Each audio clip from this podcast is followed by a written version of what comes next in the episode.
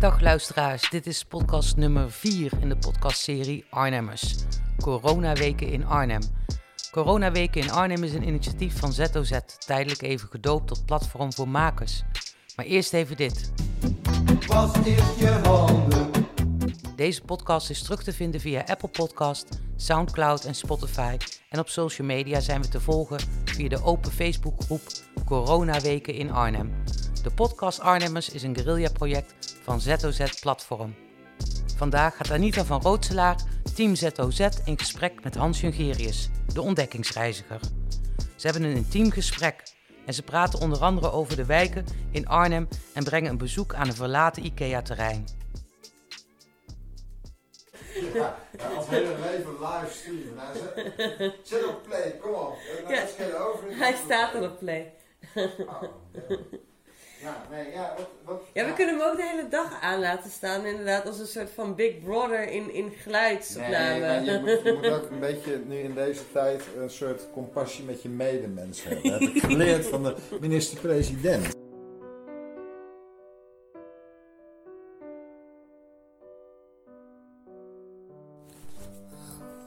Hallo allemaal. Ik zit hier op deze wonderschone dinsdagavond 17 maart 2020 tegenover Hans Jungerius. Hans Jungerius is van alles tegelijkertijd, maar op zijn visitekaartje staat ontdekkingsreiziger. In die hoedanigheid heeft hij voor Omroep Gelderland twee series gemaakt, getiteld Straal voorbij, waarin hij de gekkigheid in onze directe omgeving verkent. Daarnaast heeft hij in het verleden gewerkt als kunstenaar, onder andere voor Stichting Gang. Vandaag is hij teruggekomen van een twee maanden durende ontdekkingstocht op het Canarische eiland Fuerteventura. Met wat wellicht wel eens een van de laatste vluchten naar Nederland eh, zou kunnen zijn. Ik praat met hem over hoe hij deze gekke situatie vanaf Fuerteventura heeft beleefd, hoe de vlucht naar huis was en bovenal wat je allemaal kan ontdekken en doen in deze tijden van sociale isolatie.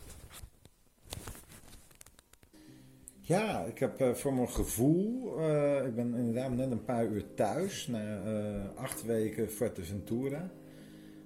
Ehm ik heb wel voor mijn gevoel de laatste vlucht gehad. Eh zat ik bomvol, maar ik heb niet het idee dat er nog veel vluchten komen.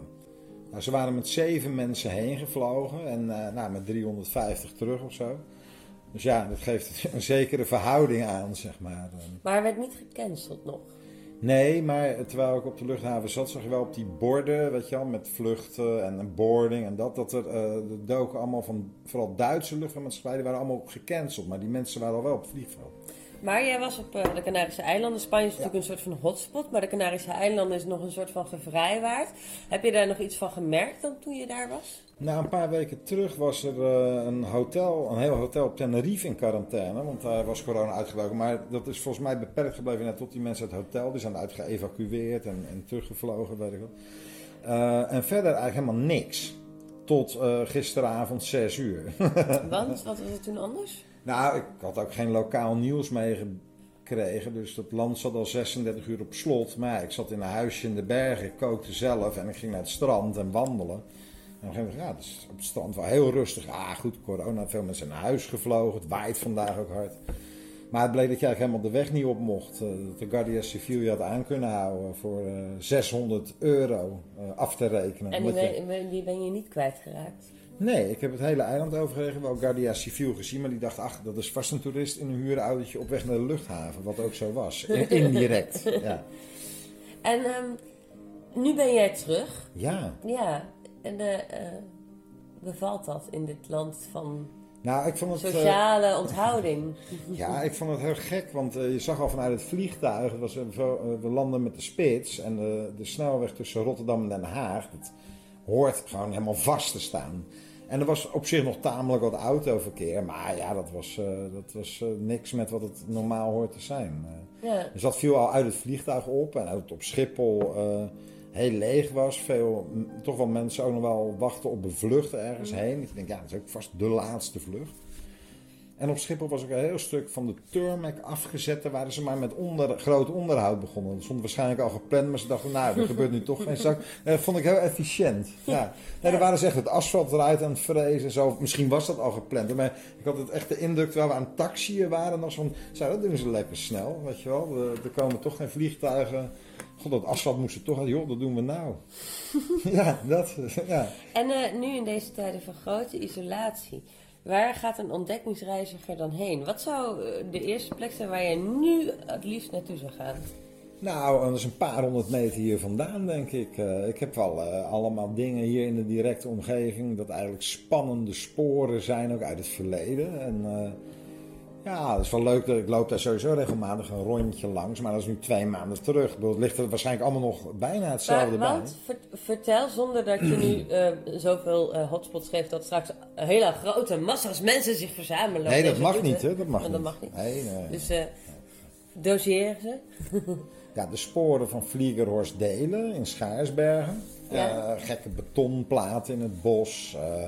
Betonnen balken met een railsjes erop. Een, boerenschuur, maar met opgeschilderde raampjes. Eh, ja, daar kun je gewoon prima op ontdekkingsreis. En dat is gewoon in Arnhem. Ja. En zo zijn er nog ver buiten. We gaan naar Mijnerswijk, de restanten van de IJssellinie. Er zijn alleen twee krijgskundige eh, eh, uitjes. Maar, maar je kan ook bijvoorbeeld de bloemkoolwijk in de Laar Oost en West gaan bekijken. Jaren 80 steden bouwen. Dat is ook een leuk. bloemkoolwijk, wat is dat voor de mensen die niet eh, in de architectuurwereld zitten? Eh, nou, ooit had je een soort house in de jaren 50 en 60. We bouwen voor galerijflats. Ja, daar gaat een nieuwe mens wonen, maar dat was ook niet zo heel erg succes. En toen gingen ze direct daarna, als soort allergische reactie daarop, gingen ze eh woonerven maken. Met eh, alles met on- on- onder gekke hoeken gekneekt en heel onoverzichtelijk. De woonwijk waar, de- waar, je een, waar een tante van je woont. En als je er gaat opzoeken, verdwaal je altijd. Die wijk. Een soort van dezelfde fuzzy logics die ze nu in het verkeer bewust toepassen. Ja, zoiets, ja. Maar dat was dan, dit was al, hadden een ander idee. Maar ook eh, Ja. eh, dorpjes in de stad maken met een dorpsbrinkje en zo. En dan gaat de buurt samen wat doen. En Ja. dat verloedert natuurlijk toch. Want zo, de, de, Ze gaan samen verloederen. ja, de, de, de mensheid is gedoemd tot verloedering, eh, denk ik, in deze dagen van corona. En als je nu buiten deze regio zelf nog iets waarvan je denkt, dat heb ik volgens mij nog niet gezien, of dat is juist nu heel fascinerend. Nee, maar je moet nu echt niet buiten de regio gaan. Hè? We have to flatten the curve. Dus we moeten allemaal heel erg... En dat is ook goed tot bezinning komen. Eigenlijk het beste zou eigenlijk zijn dat nu gewoon de overheid ook heel internet platlegde. Ja, dan komen mensen zijn gewoon allemaal verplicht op een soort mindfulness zen. eh, ja, het lastige daarvan wel weken. is dat ze de boodschap die je ze nu vertelt dan ook niet kunnen horen. Nou, dat dit de laatste boodschap is. Ja, ja de verlossende laatste eindboodschap. Ja.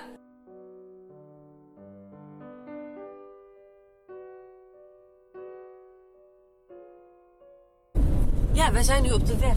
In Ja. tijden van... eh, Corona. Ja. En onze conclusie is dat het inderdaad rustiger is. Maar eigenlijk nog steeds niet bizar rustig. Ik vind het op de snelweg nog steeds. We rijden, kijk, het is niet zo dat je een lege weg hebt in de verte rijdt, want er rijden wel allemaal auto's. Het is nog steeds drukker hier op de weg dan op Ventura. Ja, ja, Ja. nee, dat oh, absoluut, ja. Wat, wat zegt over hoe druk het dan normaal is. Ja, maar het is natuurlijk ook geschift in Nederland. Ja. Een hysterisch gekkenhuis, normaal gesproken.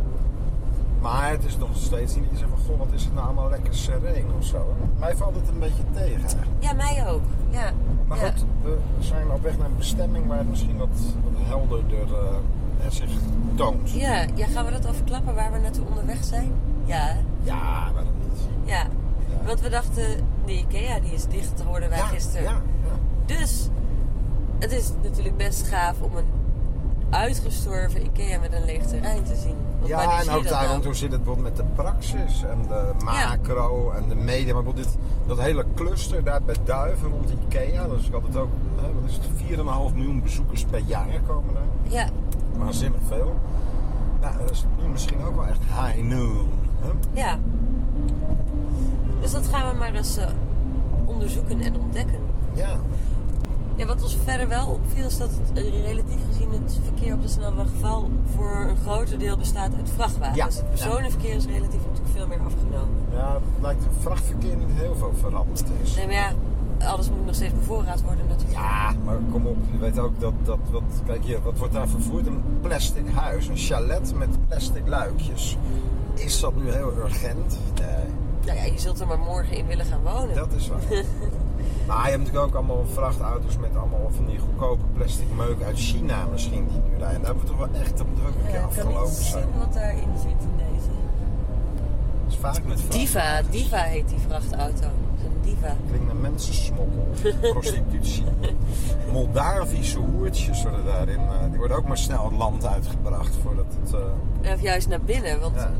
De, die mensen hebben te veel tijd. Daar moet je toch iets mee doen dan. Nee, die flats hier bij het Velperbroekcircuit, die net aan de Velperkant staan, die hebben ze een soort facelift gegeven. Ja, ze vielen mij ook ineens op je. Ja, nou, in plaats van Nederland jaren 60 is het nu meer Oost-Duitsland jaren 80 geworden. Dus ja, is wel een verbetering. Ja, Dat ja, vind ja. wel een verbetering. Ja, Ja, ja. Ja, goed, over Oost-Duitsland gesproken. Ik ben daar nog eens geweest toen de, net een paar weken nadat de muur gevallen was, maar dat het nog wel DDR was. En dat je op zaterdagavond in Oost-Berlijn gingen we uit. En er was dus ook geen zak te doen. Ook niemand op zaten. Een beetje, dan heeft een beetje Oost-Berlijnse foto's zie ik nu ook voorbij komen van, Ja. van steden in Nederland. Ja. Dat je, ja, Oost-Berlijn, dat is hier de... Maar, oh ja, want dat is ook nieuw hè, dit Loods 5. Zo'n Oh enorme meubel... eh, meubelconcept Ja, dinges. Er staan ook niet veel auto's, hè? Het zijn wel open, lijkt het. Maar Ikea, die hele parkeergarage is leeg. Zie je zelfs op de begane grond. Oh. Dat is al misschien nog het meest historisch, hè? Dat Ikea dicht is. ja.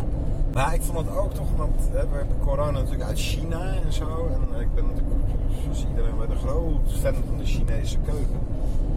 En vroeger kon je er ook vergif op innemen dat als je wilde eten, de Chinees was sowieso open. Op Sinterklaasavond, dat maakt allemaal niet uit. Maar daar is ook de klad in gekomen. Dat het Chinezen zijn soms ook ineens gaan dicht op dinsdagavond of zo. En misschien is dat een veeg teken geweest ook voor die hele corona-outbreak. Dat al jaren geleden Chinezen gaandeweg, heel zo, zonder dat het echt opviel. Ja, dinsdagavond, daar zijn we dicht.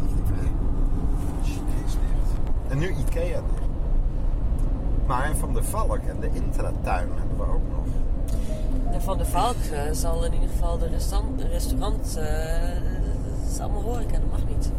Nee, maar of dat nou heel erg is dat het restaurant van Van der Valk dicht is. Maar voor het culinaire landschap is dat geen, geen aderlating, toch? Ik heb daar nog eens een keer een... eh, Zou Van de Valk ook eten gaan bezorgen? Dat zou goed zijn. Misschien kunnen we nu afhalen. Zo'n zo'n uitsmijten met zo'n bolletje huzarensalade aan de emmer. Misschien kunnen we dat nu... We hebben zo'n afhaalloket, want het heeft een beetje een soort drive-thru architectuur. Ja, ja, ja. Ja, van de Valk. Ik heb hier nog eens een keer een live cooking event meegemaakt in familiaire setting. Maar dat, Live cooking event. live cooking, ja. Ja, gewoon eigenlijk eh, op zijn Nederlands bokken. Het bokkenrestaurant wel op zijn Nederlands. Maar dan met frikandelletjes. En, eh, ik vond het helemaal niks. Nee, Het bleef toch van de valk. Hè? ja. Ja. Toch zijn er wel ouders, maar misschien mensen die er slapen of in quarantaine zitten. volgens mij ben ik nog nooit, heb ik nog nooit bij een Van de Valk gegeten. Nee, maar eh, ik ben even een extra rondje rotonde. Dat vinden die mensen vast helemaal irritant. Maar dan kunnen we even op ons gemak kijken. Maar het is wel heel stil ook bij zo'n intratuin. Ja. Kijken. Ja, Zeker omdat je moet denken dat het best een soort vrije dag is voor velen. Hè? Ook gek genoeg. ja. En twee maanden geleden stond dit hele gebouw er nog niet. Dat is ook apart. Zo snel is dat neergegaan. Car Vision. Nou, daar zaten we erg op te wachten. Ik ben wel benieuwd als nou dingen echt veranderen hè, qua samenleving en economie, blijvend. Dan is dit hier zo'n bedrijventerrein met, met die, waar, waar al die meuk verkocht wordt en zo. Dat zijn toch wel dan echt een beetje de soort, soort overwoekerde Maya-tempels zeg maar, van de, onze hè, laat-kapitalistische periode. Zeg maar. Toch? Oh ja, die Hoornbach, ja, die is groot. hè. Die heb ik nog niet, Ja. eh, nog niet toen ik wegging was die nog niet Is de. Hoornburg nog wel open? Ja. Als die al open Ja. is, ja. Nou, kijk, ze sluiten natuurlijk eerst waar de meeste mensen komen. Dus Ikea. Hè. McDonald's, dan zie je wat het meest succesvol Ja, is. hè. de meest succesvolle dingen gaan als eerste dicht, Ja. zou je dan kunnen zeggen. Ja, zo Ikea, maar dit is wel heel heftig, hè? Toch? Ikea dicht. Dat is wel... Nou gaat het echt... Nou is het einde der tijden wel net bij, hè? nou, oh, er zijn toch auto's in die parkeerhuis. Maar misschien is het nu ook ineens een soort plek voor ranzige rendezvous. Dat mensen in dat donker in de auto aan het seksen zijn. Oh ja. Een soort co- corona-seksparty in de donkere parkeergarage van Ikea. Er zijn best veel auto's hier in die Eén, garage. Wat twee. Nou, Drie, vier, vijf. Ja, vooral die hoek. ja, misschien medewerkers, hè? Ja. Maar ja, Medewerkers van Ikea. Nou ja, dat is ook... eh net als op Schiphol ging ze ook gelijk het asfalt hem even uitvrezen, weet je wel. Dus bij Ikea denken van, nou, hup, ja. maak even een ander displaytje. Of mag je nog wel afhalen? Er staat wel een soort, zie je dat? Een soort blokhutje, een soort après-ski hut van Ikea daarin. Met mensen erin, brandt het licht. Ik zie het niet. Oh, daar. Ja. Wat zijn die aan het doen? Ja, goede vraag. Laten we dat even checken. Ja. Stappen we even uit.